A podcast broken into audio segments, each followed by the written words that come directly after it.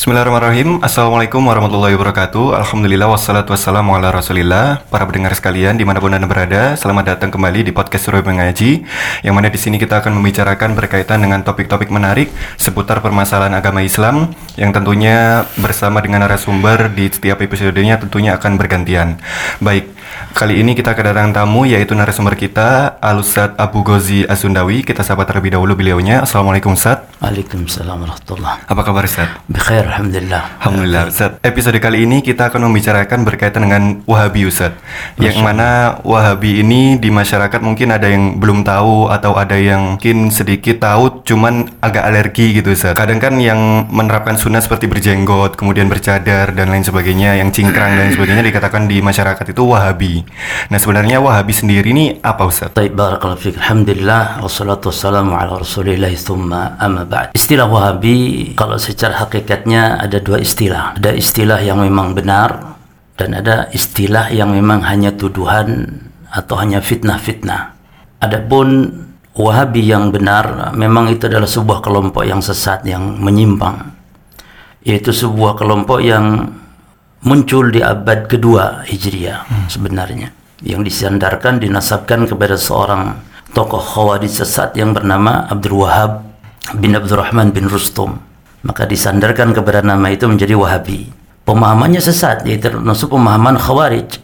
Dan itulah yang dibahas oleh para ulama ahli sunnah dalam kitab-kitab mereka yang menyatakan Wahabi sesat. Jadi istilah ada Wahabi sesat betul ya bahkan itu termasuk sekte khawarij yang paling parah ya. Termasuk sekte disebutnya ibadiyah. Namun disandarkan kepada seseorang bernama Abdul Wahab bin Abdurrahman bin Rustum ya. Sekitar 197 yakni sekitar abad kedua.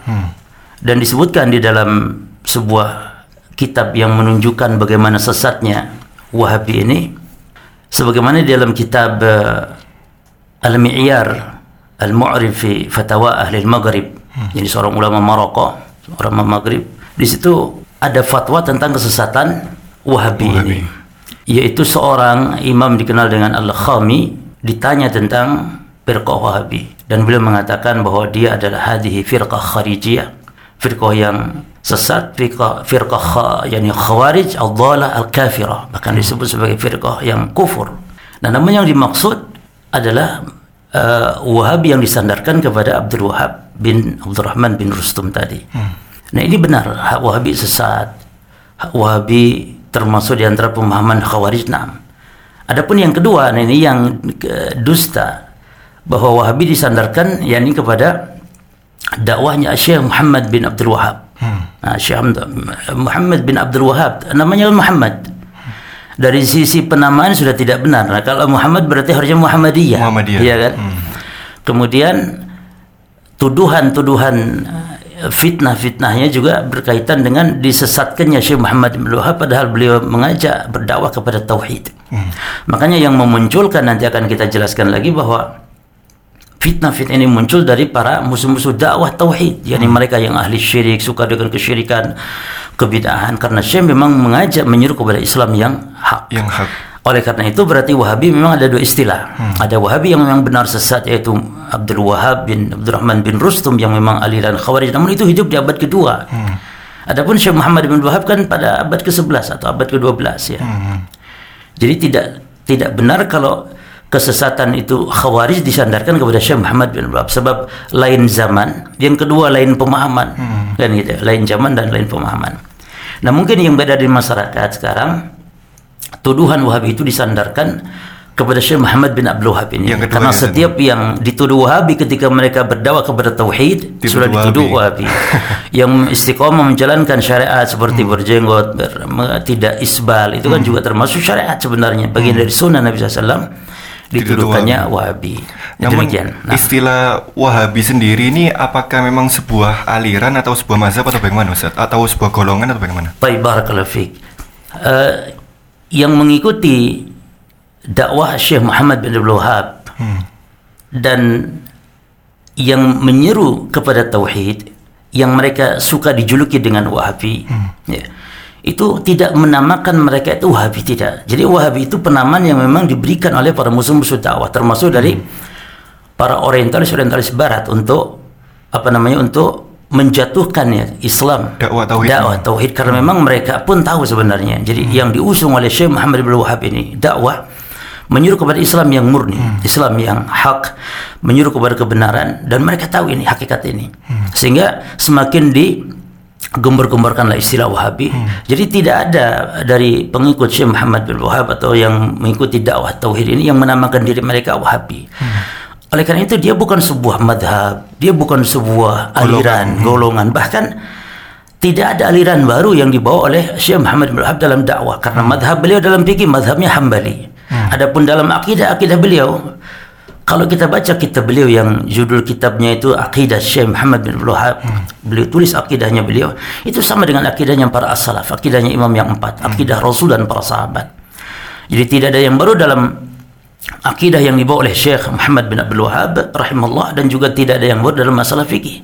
Jadi dia bukan madhab yang baru, bukan aliran yang baru, tapi dia adalah seorang alim, seorang ulama yang menyuruh mengajak kepada Islam yang hak, Islam yang murni untuk mendakwahkan sunnah kepada kaum muslimin. Itu saja. Cuman di generasi beliau saat itu beliau berdakwah memang muncul atau banyaknya sedang marak-maraknya kesyirikan, Kesyirikan. kebidahan. Sehingga dianggaplah suatu hal yang baru. Hal sama halnya kita sekarang. Kita menyuruh kepada tauhid, ini kan dakwah para rasul, dakwatul anbiya wa rusul. Namun dianggap ini dakwah yang baru, seolah-olah baru mendengar. Demikian. Jadi dia bukan madhab yang baru. Wahabi itu. Nah terkait eh, penamaan Wahabi sendiri ini pencetusnya atau awalnya dari mana ini Ustaz? Baik. Yang kita bicarakan kalau Wahabi adalah Wahabi yang dimaksud tuduhan kepada Syekh Muhammad bin Wahab bukan kepada Yang Abu sebelumnya Al ya. Abdul Wahab bin Abdurrahman bin Rustum ya. Ini kita bicara tuduhan kepada Syekh Muhammad bin Abdul Wahab maka yang pertama kali mencetuskan ini adalah musuh-musuh dakwah Syekh di zaman tersebut. Kemudian diikuti dengan generasi-generasi yang memang mendukung yakni memusuhi dakwahnya Syekh Muhammad bin Abdul Wahab ini. Ditunjang juga dengan kelompok-kelompok sesat seperti Syiah, kemudian juga termasuk jelas orang kalau orang-orang Irontalis termasuk juga ada penyandaran kepada orang-orang eh, kafir ya orang-orang kufar yang ma- mereka memata-matai ketika di Timur Tengah waktu itu katanya dan itu termasuk di antara sebab ya yang membuat nama Wahabi menjadi semakin eh, tersebar fitnahnya di tengah-tengah masyarakat sampai-sampai sebuah fobia lah kepada istilah Wahabi ini sampai-sampai kalau Wahabi sesat kata seperti ketemu dengan hantu gitu istilahnya Bahkan sampai sampai demikian di masyarakat juga gitu Iya. Ustaz. Nah. Ketika mendengar Wahabi itu, oh, masya Allah. Nah. Namun kembali ke dakwah tauhid sendiri, Ustaz. Nah. Sebenarnya dakwah tauhid itu ketika di masyarakat identik dengan Wahabi. Nah itu apa benar, Ustaz? Apakah yang setiap mendakwahkan tauhid itu disebut Wahabi atau bagaimana, Ustaz? Baik, kalau kita melihat di masyarakat, memang setiap orang yang menyuruh berdakwah kepada tauhid sebagaimana Syekh Muhammad bin Wahab menyuruh kepada tauhid di awal-awal dakwah pada saat masyarakat saat itu banyak penyimpangan dalam khususnya dalam tauhid uluhiyah, dalam tauhid ibadah. Ini banyak melakukan kesyirikan.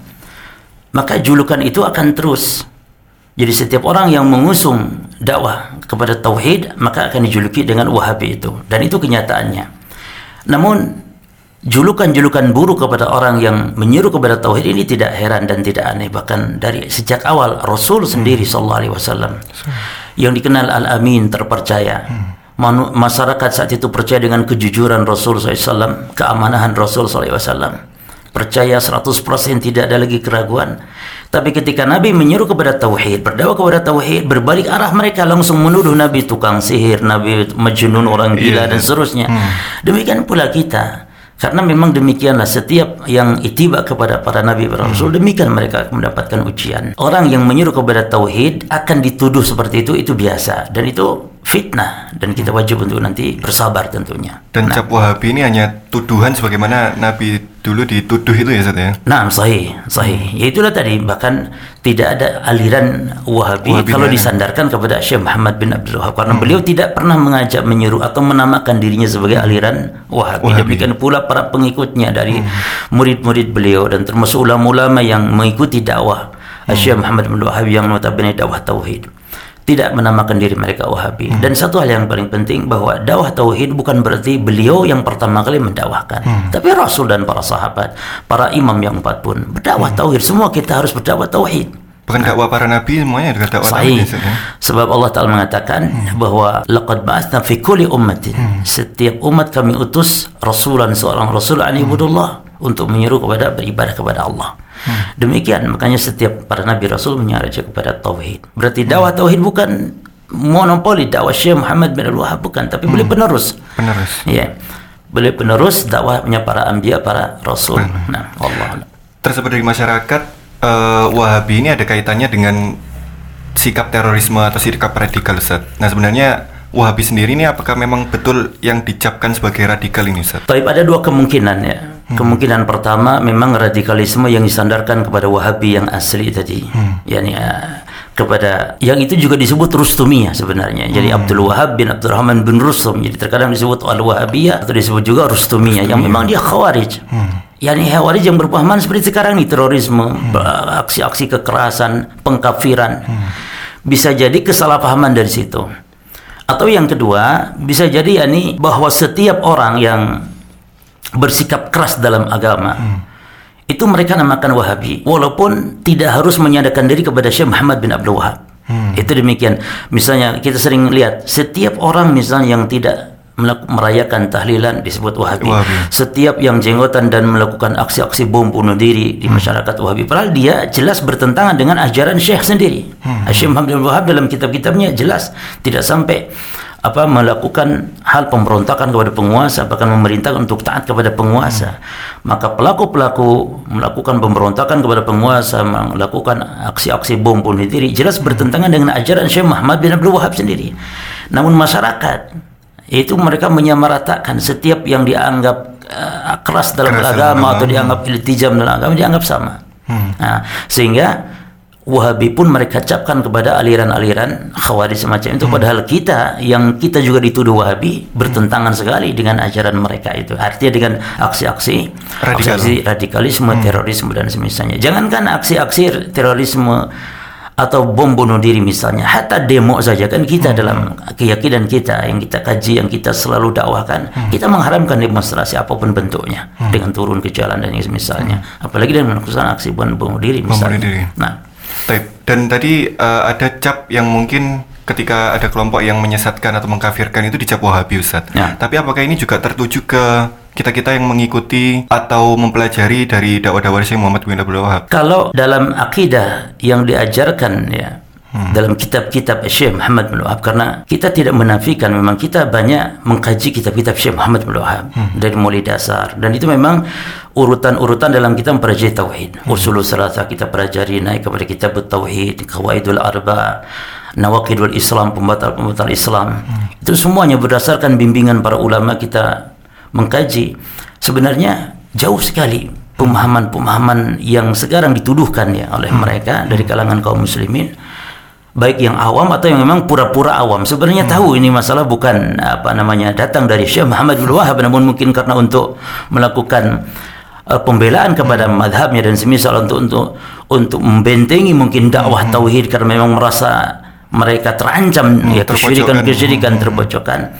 Jadi saya katakan bisa jadi yang awam atau memang pura-pura awam. Karena banyak di antara yang sebenarnya paham. Bahkan sampai seorang tokoh yang kuliah lulus sampai menjadi doktor di Saudi Arabia yang tentu tahu betul seluk-beluk Wahabi. Tapi ketika sampai di Indonesia kan mereka membuat fitnah bagaimana Wahabi ditunjukkan kepada orang-orang yang justru tidak tidak layak. Dan dia tahu sebenarnya tidak layak itu sebagai sebagai dituduh sebagai seorang Wahabi.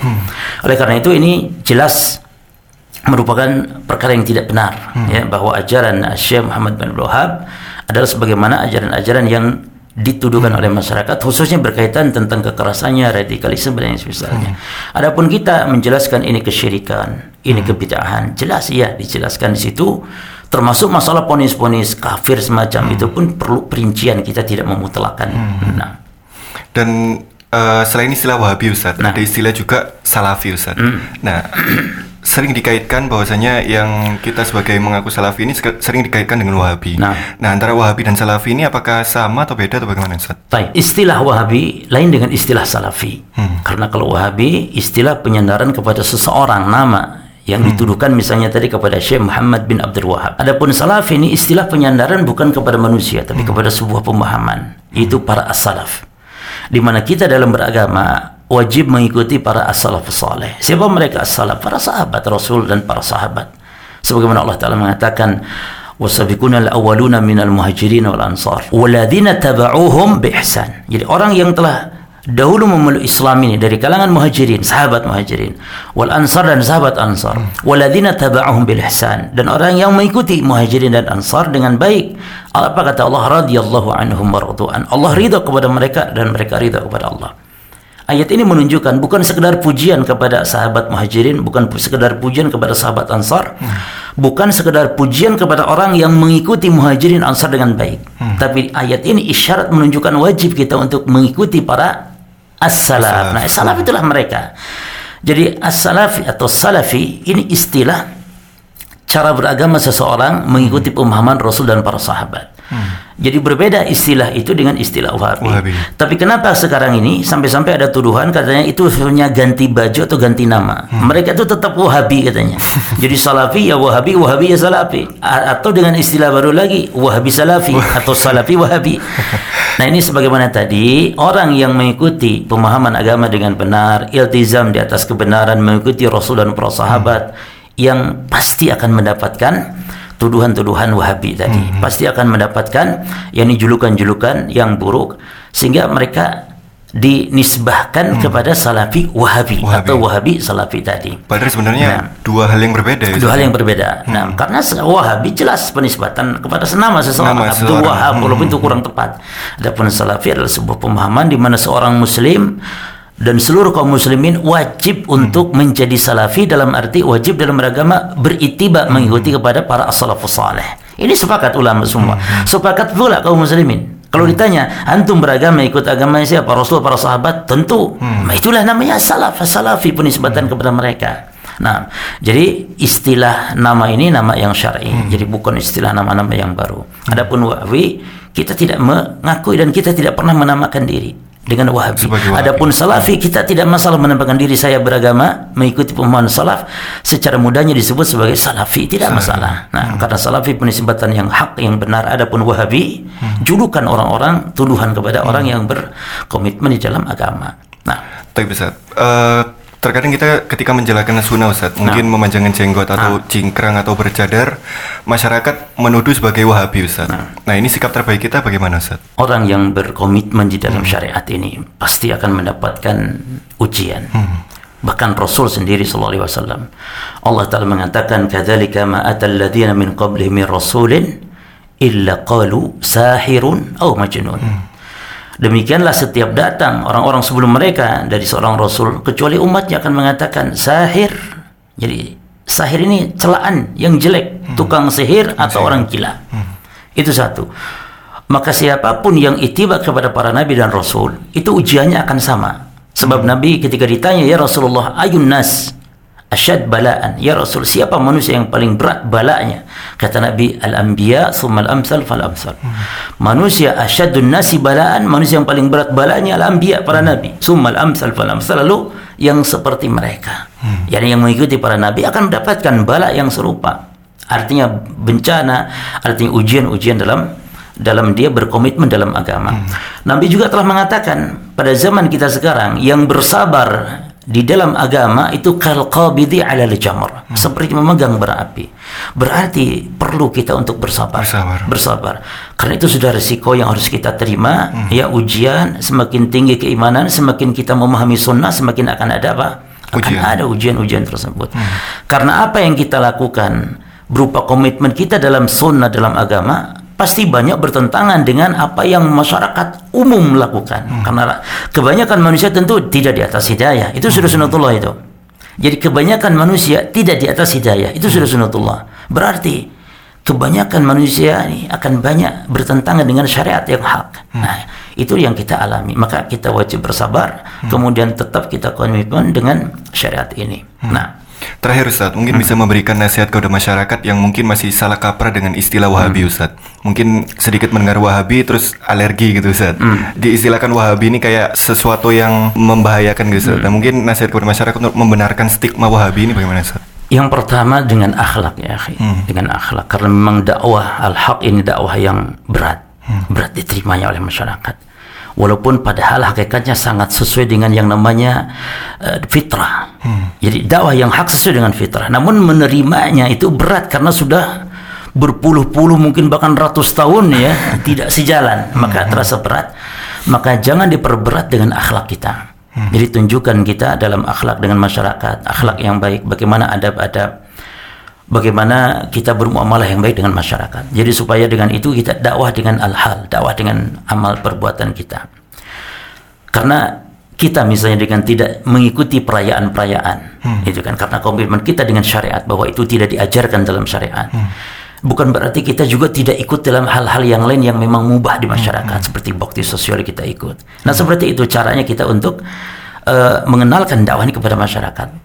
Yang kedua tentu dengan menjelaskan. Hmm. Nah, kalau menjelaskan sesuai dengan kemampuan kita sampaikan di majelis-majelis, khususnya di mimbar-mimbar Jumat ini perlu. Hmm. Para duat, para dai sampaikan bahwa inilah hakikat yang disebut Wahabi. Hmm. Hakikatnya adalah dia bukan tuduhan-tuduhan yang dituduhkan semacam itu kebohongan-kebohongan. Bahkan mereka tidak segan-segan menulis buku-buku memfitnah Syekh Muhammad bin Wahab yang semuanya itu tidak benar yang apa dilakukan oleh beliau. Hmm. Di antaranya Ahmad Zaini Dahlan itu punya buku membuat fitnah-fitnah tentang Syekh Muhammad bin Abdul Wahab. Hmm. Nah itu kita harus menjelaskan. Minimal membuat buku. Demikian. Hmm. Menjelaskan kepada masyarakat tentang sekitar pembahasan Wahabi ini. Terus yang ketiga, yang ketiga mungkin bagaimana aksinya ya kita bisa me mencetak buku-buku hmm. dijelaskan seperti pemerintah Saudi Arabia yang mencetak buku-buku hmm. syekh dijelas bagikan kepada masyarakat sehingga ketika masyarakat kenal ya dengan ini buku karangan siapa dan ternyata isinya hmm. tidak ada bermasalah dan hmm. itu pada hakikat sebenarnya nggak ada masalah dalam buku-buku beliau hanya fitnah saja fitnah. maka sedikit demi sedikit masyarakat akan mengenal hakikat Syekh Muhammad bin Wahab dari karya-karya beliau jadi kita harus sebarkan karya-karya beliau ini dibagikan kepada masyarakat. Nah, Taib, Ustaz, mungkin demikian. Nah, Jazakallah khairan oh iya, atas nasihatnya Ustaz. Para pendengar sekalian, moga bermanfaat. Podcast episode kali ini, insya Allah kita akan bertemu kembali di podcast episode selanjutnya. Kita tutup dengan doa kafaratul majelis. Subhanakallahumma wa bihamdika asyhadu an la ilaha illa anta astaghfiruka wa atubu ilaik. Wassalamualaikum warahmatullahi wabarakatuh.